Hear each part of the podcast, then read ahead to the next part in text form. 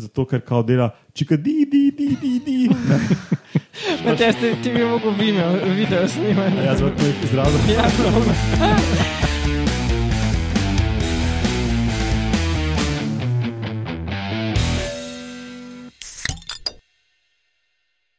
Lepo zdrav, poslušate 57. oddajo Metamorfoza, to je podcast o biologiji organizmov, ki vam jo predstavimo skozi lahkoten pogovor o pivu. Tudi ta 57. oddaja, ki jo um, čisto slučajno snemamo dve minuti za 56. oddajo, bo čist konvencionalna in med novicami bomo spoznali rastline, ki spreminjajo gosenice v kanibale. Potem bomo nekaj povedali o prepoznavanju um, živalskih krikov, vznemirjenja ali groza, ali kako bi se temu reklo. Potem, ali ste vedeli, da nekatere živali čez zimo zamrznejo in vaški posebneži, vaška posebneža bosta zmajsko drevo, zmajevo drevo, zmajsko krvaveče drevo, kakorkoli bi se temu po slovensko reklo. Vse te tri. Aha, to bo Lenka predstavila. In um, Scaly Food, Povš, to pa Loro pozneje povedal, kako bi on prevedel.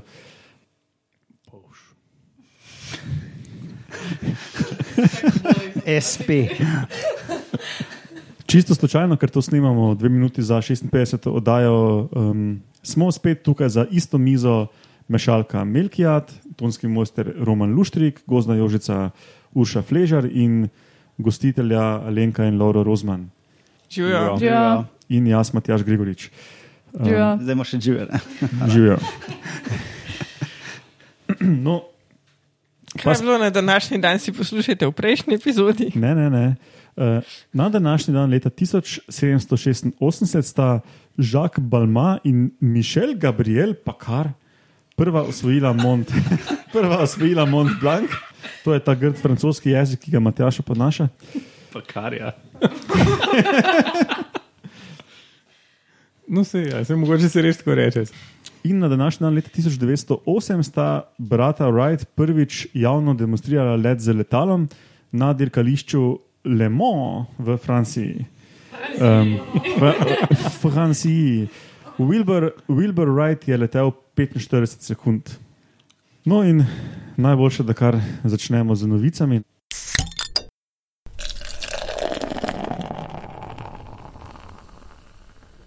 In začel bo Roman in bo nekaj povedal o teh zloglasnih rastlinah. Jaz bom nas nekaj povedal, imam celo na dveh straneh napisan. Sam, da je tako, kaj je že pol od A5? A6? Imam pa sto malo posti tako. Ja, pač, kaj to, nisi sam odšel neke. Ja, okay. Zdaj, rastline se pred uh, obžiralci, se pravi herbivori, branijo na več načinov, ne? na, na vse korenince in listke in na vse pretege. Um, zdaj branijo se posredno in neposredno. Neposredno je tako, da ne, zmanjšajo, koliko bo žival pojedla, posredno pa tako, da zmanjšajo število osebkov, ki jih objeda. Ne? Se pravi, ti imaš več gosenic na, na rožici, in če je pač manj gosenic, boš tudi manj objedan.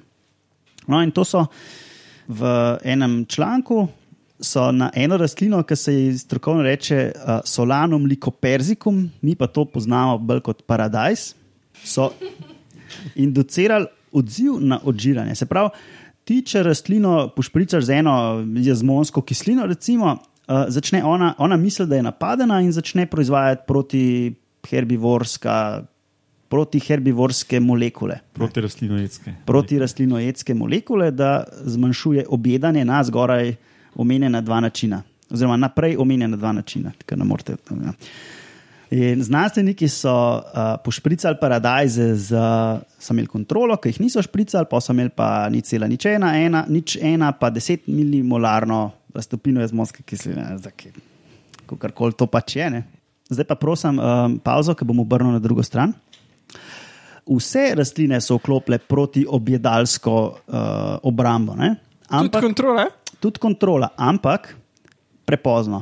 Ne? Tiste, ki so bile pošpricane čist mal, pa kontrola, so vklopile potem, ko so, bile, ko so jih začeli objedati, te neke um, gosenice. In ene rastline so bile pač popolnoma pojedene. Je pa treba reči, da so bile to majhne rastline paradižnikov.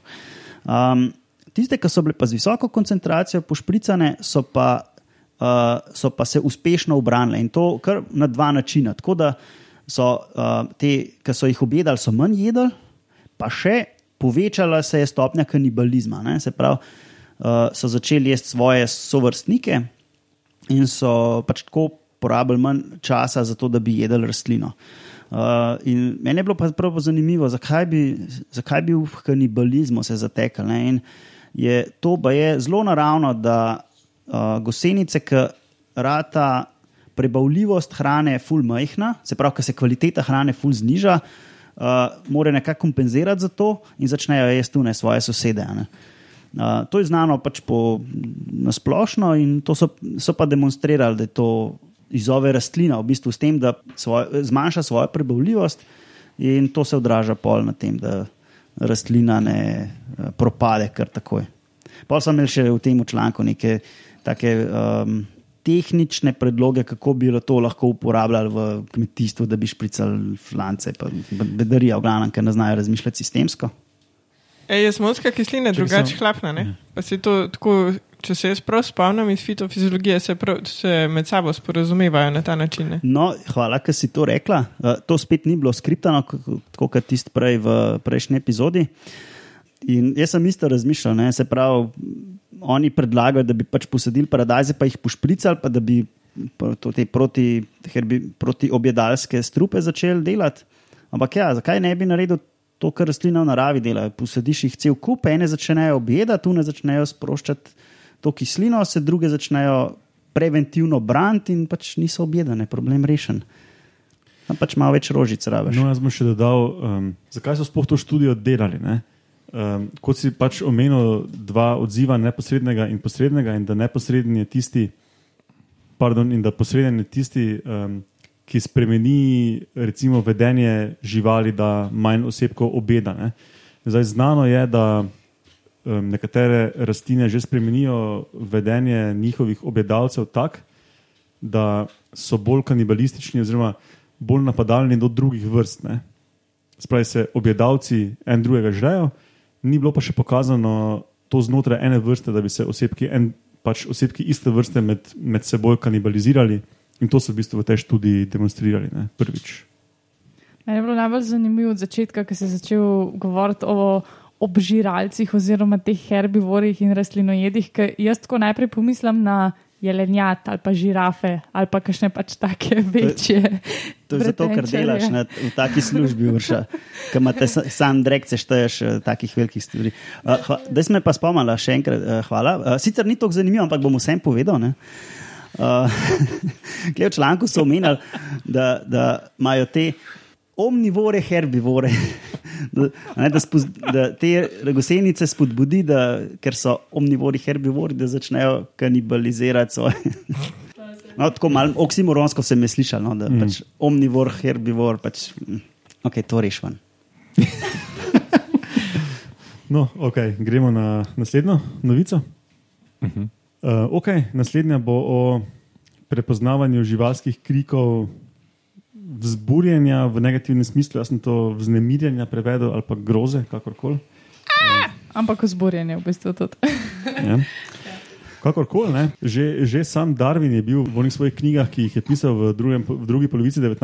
stoletja, mnenja, da je eh, zvočno izražanje čustev pri vretenčarjih zelo staro in da, in da izvira pri samih prednikih vseh vretenčarjev.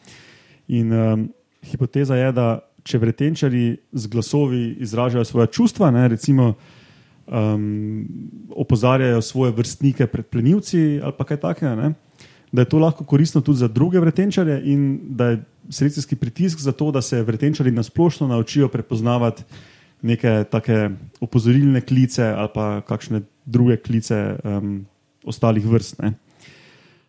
No, in do zdaj je bilo že znano, da ljudje razumemo krike drugih sesalcev kot pač um, krike nekega stresa, vznemirjenja, groza in tako naprej. No, ta študija, pa, o, o kateri se pa zdaj pogovarjamo, pa testira, ali to velja tudi za druge vretenčarje. Um, zdaj, za primer sem vam pripravil nekaj zvokov. Ne? Recimo, ne, uh, potrudil sem se in sem našel um, od svinje bradavičarke navaden zvok, ki se sliši tako.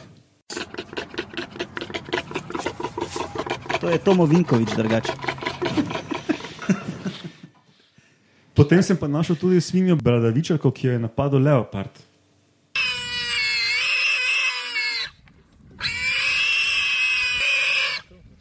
No, tada, to je pač zelo očitno, da pri sesalcih pa nekako valjda prepoznavamo ta distres kol. Um, no, tu so pa recimo v tej študiji so imeli 75 intervjuvancev iz treh jezikov, angliščina, nemščina in mandarinščina.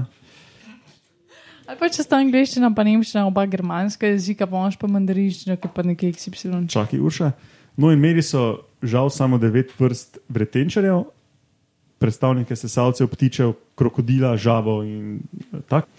In so iz teh devetih vrst imeli 180 različnih uh, zvokov, ki so jih predvajali tem 75 ljudem, in so mogli pač ugibati, ali je to, uh, pač, ne vem točno, ali so imeli neko skalo, da so ocenili, pač ocenjevati so mogli, ali je to stresa. stres ali ne. ne.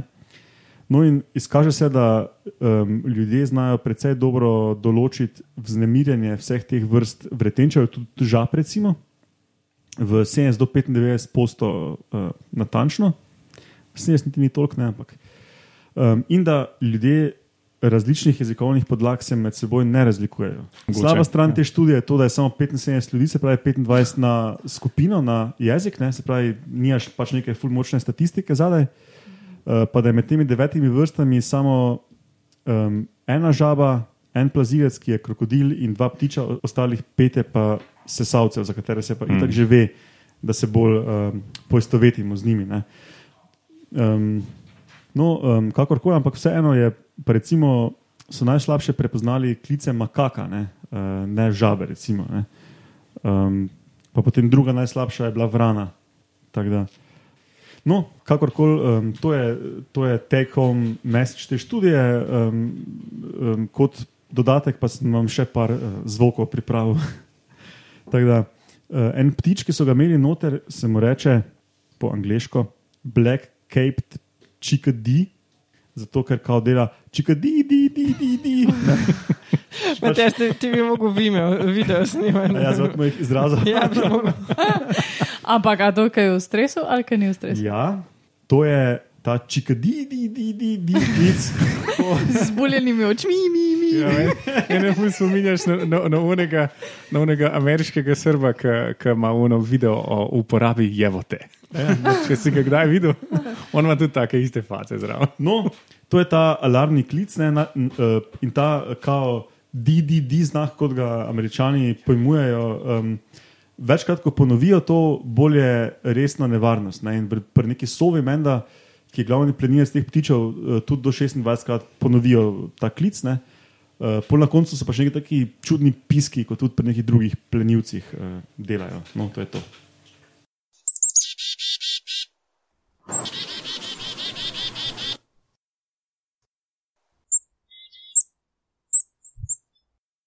No, to so vse alarmni klici.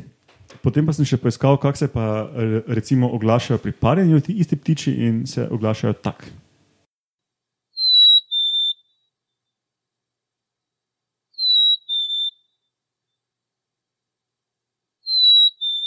To je pred parjenjem, ali? Mal, mal Ja, ja. so se podmazati. Pardon, to je, to je, to je uh, ja.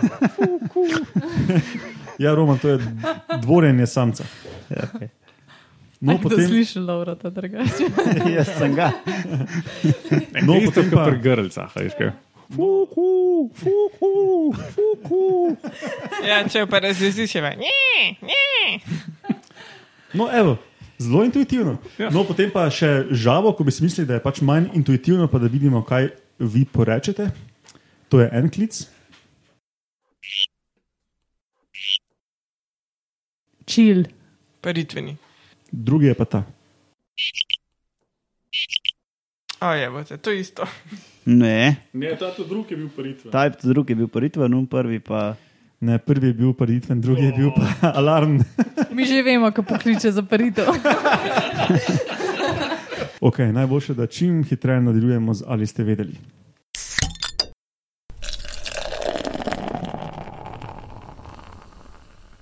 To imaš ti urša.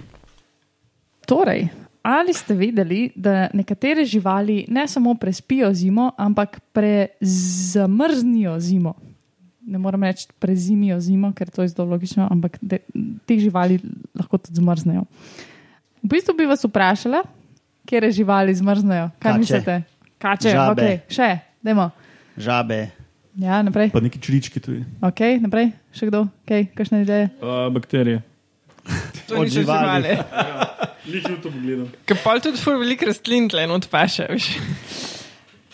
Roman, pre, predvsem od tebe bi pričakovala kakšno boljšo, tak, Ja, ja, boljšo morsk- drugačnejšo idejo. ja, morske, verjetno ne. No. Kako ne? Kira, No, morska, kaj na severnem polju neki. Tako je. Um, Kakšne školke. No, no sej, sej si bliž, ne, ni, ni treba zdaj mi vrsto povedati, ker tudi jaz ne vem, kje je vrsta. Ne. Ampak Aha, hotela sem od tebe slišati samo neko skupino ali pa pač nekatera skupina živali, ki živi na nekem določenem območju, sej, da, da zmanjšam trpljenje. Se pravi, neki nevretenčari, ki živijo v tem plimovalnem pasu. Uh, Balanusi, kakšni, Intertidal, kako je to po naše? uh, bibavični. Bibavični pas. Ne. Se pravi, ja. oni, uh, naprimer v Arktiki, če si predstavljamo, kaj zmrzne, ne, čez Kakšni celo jesen ali pa ti povški.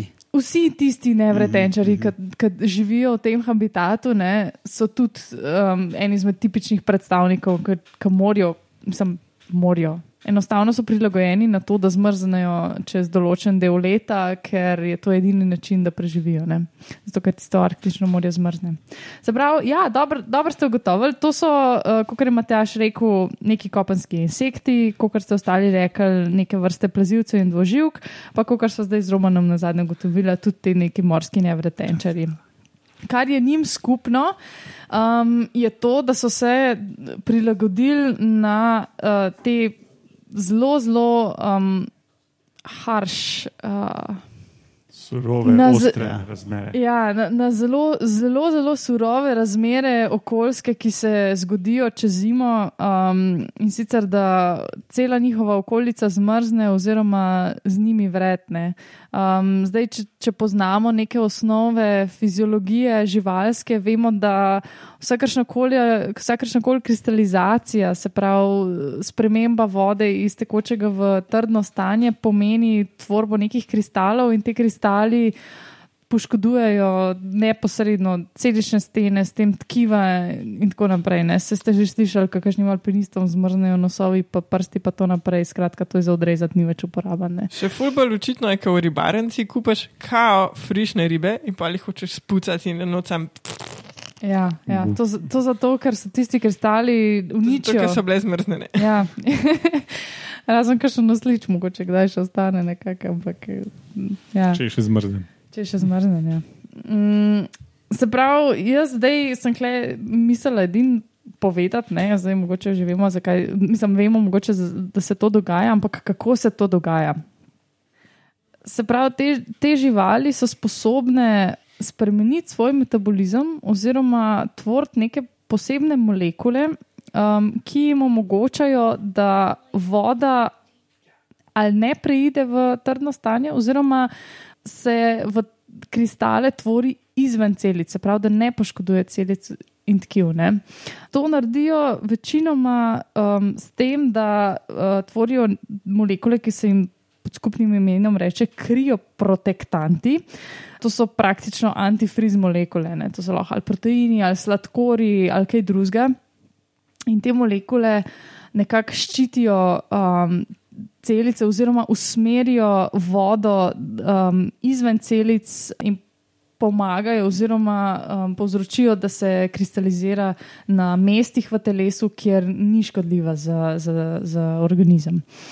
Tudi eh, cel metabolizem je, eh, se spremeni tako, da se krčenje celic zmanjša do najmožne, najmanjše možne mere. Um, se pravi, da še zmeraj pač celice delujejo v takem prostoru, kot je optimalen, da se celična membrana utrdi in da se celoten metabolizem zelo počasni in zniža. Ne? Se pravi, da delajo na tistem minimumu. Vse, vsi ti celični procesi se, se zelo počasnijo, se zmanjšajo um, od celičnega dihanja do praktično delitve in tako naprej. ne. Um, glavna prilagoditev je to, da s tem omogočijo um, toleranco anoksije, se pravi pomankanje kisika in uh, preživetje v nekih sušnih razmerah. Ker praktično to, da je voda zaklenjena v obliki ledu, ne, da ni v tekočem stanju, pomeni, da to je skoraj isto, kot suša. Ne, se pravi, da je ne more organizem oziroma celica uporabljati. Tako da, ja, to, to je presenetljivo, da se pa to pozna v, na nivoju celega organizma, ne? ker je v bistvu tak um, dost celičen mehanizem, oziroma na nivoju uh, celice se to dogaja. In da praktično kakšne žabe, kot smo rekli na začetku, insekti um, in te morski nevrtenčari praktično smrznejo skozi zimo ne? in potem se odtajajo, ko pride spet uh, toplejši del leta. V bistvu point je, da ti narediš tisto vodo, ki bi sicer zmrznila, pa ti predrla celično steno nekako, ali preprečeš, da se zmrzne, ali pa jo usmeriš tako, da, Da ti ne škoduje. Na tak način, da ne škoduje. Ja, ja, večinoma ne tako. Ja. Hvala, Uša, za ta pregled. Ja, odlično, odlično. Jaz moram uh, priznati, da sem vmes malo odjadral, ko mi je Laura kazal onega srba z izbuljenimi očmi. Ja, tudi, tudi, tudi za poslušati je dober. Vse boš poslušal, pol, ko, boš, uh, ko bomo dal ven epizodo. Pa. Zdaj, zdaj vem, kako sem izgledal prej. um, ok, pa gremo kar na vaše posebneže.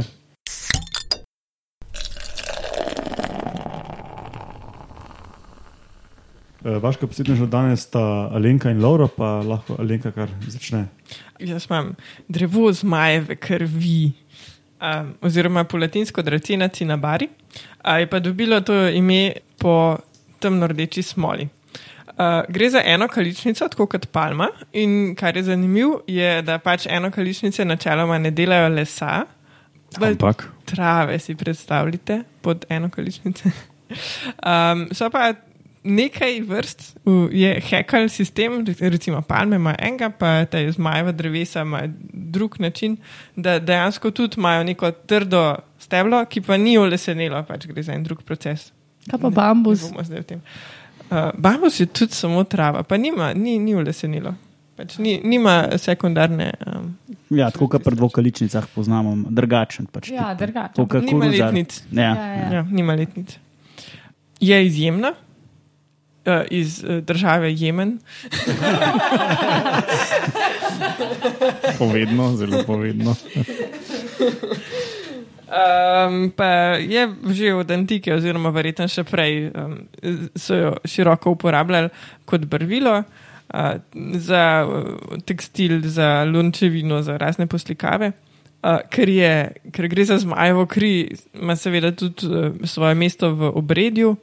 In v antiki so jo zelo široko uporabljali kot zdravilo za rane, drisko, čire, skratka, tako kot recimo pri nas hrast, neka taka krčilna zadeva, ki um, povzroča krčenje kože in zapiranje ran. Prav, neki stan, stanini, ki um, Ja, zakrknejo proteine. tako. Uh, je pa zanimivo, da tudi sproži splav. Drugač pa slike tega uh, krvavečega drevesa so zelo interesantne. Bomo dali v zapiske, zdaj tukaj No. mojim sovoditeljem kažem. ne. Oh, shit. Ja, To je kot za ja. Halloween. Tako da je, je uh, legitimen posebnež mm Mhm. s to smolo. Tam res kot kri. Pač res gleda, kot da bi drevo krvavelo. Ne. Ok, Laura, Pa še drevo ni, ne? ne, ker je polž. Ja. In sicer globokomorski polž z latinskim imenom. Uh, in sicer um, gre za. Malo latinsko ime. Ček. No, pač nisem ga mislil navesti, ne, ker si ga nisem zapisal, zapomnil pa še manj. In sicer ta polž živi v hidrotermalnih eh, urelcih eh, v Indijskem oceanu, v približno 2500 eh, metrov globok, no, med 2400 in 2800. Je pa poseben, um, ne zaradi svoje velikosti, ki je tam okoli 3 cm, no, ampak bršča zaradi tega, kjer živi. ne. Um, poseben je že po svoji prehrani. Um, hrani se s simbionskimi, uh, oziroma s pomočjo simbionskih bakterij, ki, delajo kemosintezo pač v enem njegovem organu, noter jih ima na, na šopane in se pač s tem futra. Ne? Se pravi, ni tako kot običajen pavška z uno. Uh, Strgačo, neki, neki strga, ne? ampak pač goji une bakterije in požira uno vodo, in une bakterije predelajo uno vodo iz onih morskih izvirov in globoko morskih izvirov in jo pač kemijsko pretvorijo in on to popapa. V bistvu on jim sam žveplo dovaja, ko nekaj ta Ja, ja, zraven, one, one pa pač naredijo svojo uh, kako Kemo, tam te- pri njemu in pač on poje tisti In njihove, in njihove izločke. In, ja. No, torej, po, poseben je pa še iz uh, drugih vidikov. Ne? Uh, iz vidika tega, da ima um, tole kočo, ne, torej hišico zgrajeno uh, iz treh plasti, ne, ke ena una srednja je kar običajna, periostrakum, um, pa ima pa še eno zunanjo plast, ki je iz, ž- iz železovih sulfidov, kar je neobičajno. Um, no, železo, z- železovemu sulfitu rečemo tudi pirit, po domače, to je, temu rečejo tudi fool's gold, se pravi, taka eh, zlatu podobna snov, sam da je eh, na železovi osnovi s eh, žveplom vezano. Mm. No, v glavnem pa ima pa še notranjo plast te svoje eh, bajte, ki je pa iz argonita. No. To pa je Apnenc. kalcijev Karbonat. karbonat. ne. Ja. Um, okay. Um, pol ima pa še uh, nogo, zelo posebno, ne pač polž je sestavljen iz uh, noge pa bajte. Um, in pač na te nogi ima kaj ene take luske, no, se pravi, take izrastke, ki izgledajo, kot bi imel ta polž luske. In tudi te uh, izrastki so pač na zunanjem delu uh, s piritom oziroma železovim sulfitom pokriti. No. Tako da. Um, V bistvu zgleda, kot kakšen vitez, sorry, ušek sem te prekinul. Ja, vprašaj še. Čemu pa služijo? Ja, to je bo pa tle pol spet uh, en kup hipotez. Uh, najbolj take verjetne so, da pač uh, ta material, se pravi pirit, um, shranjuje zaradi tega, ker mu je drugač toksičen.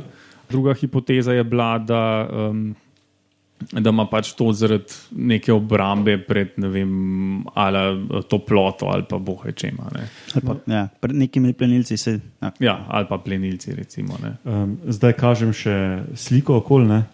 Um, zelo zanimiv izgledajoč polž. A to je noga, čakaj. To je noga, ki je s, tem, že s temi črnimi, Ja, ki bi imel pač tako zelo bradato to nogo. Ne. S takimi Ja. ja. črnimi luskami. Ja. Se pravi, a ja, jaz sem razumela, da je spodaj na nogi, Ne, ne, pravi, ne, s ne, tistim, ne, ki pri leze strani. prstran. Ja. Kaj bi imel tisti vitez, unu klep proti puščicam? pa tako. Um, Take luskice, kao. latinsko je pa hrizomalon squamiferum, se pravi tisti, ki To nosi luske. Evo, vidiš ga, vidiš ga. Um, no, to, no, pol pa, kar je bilo še posebenega, ne, sicer trivija, je pa, da ima t- zelo veliko srce. Ne, to, to ne Oh. pomeni, da je veliko dušen, ampak da ima srce tako približno 4% telesnega vol- volumna veliko. Ne. O, lepo. Ja, kar je kar veliko. No. To je to, okoli tega polža. Kot da bi imel ti štirikilsko srce. Približno, ja. To je kar veliko srce. No, okay. um, In tudi naši poslušalci morajo imeti vsaj tako veliko srce, kot ga ima naš polž, naš modri polž, Naš zlat, zlato svetleči polš. naš spiritni polž in morajo donirati in prispevati, da bomo imeli mi melkijada s kuleščki.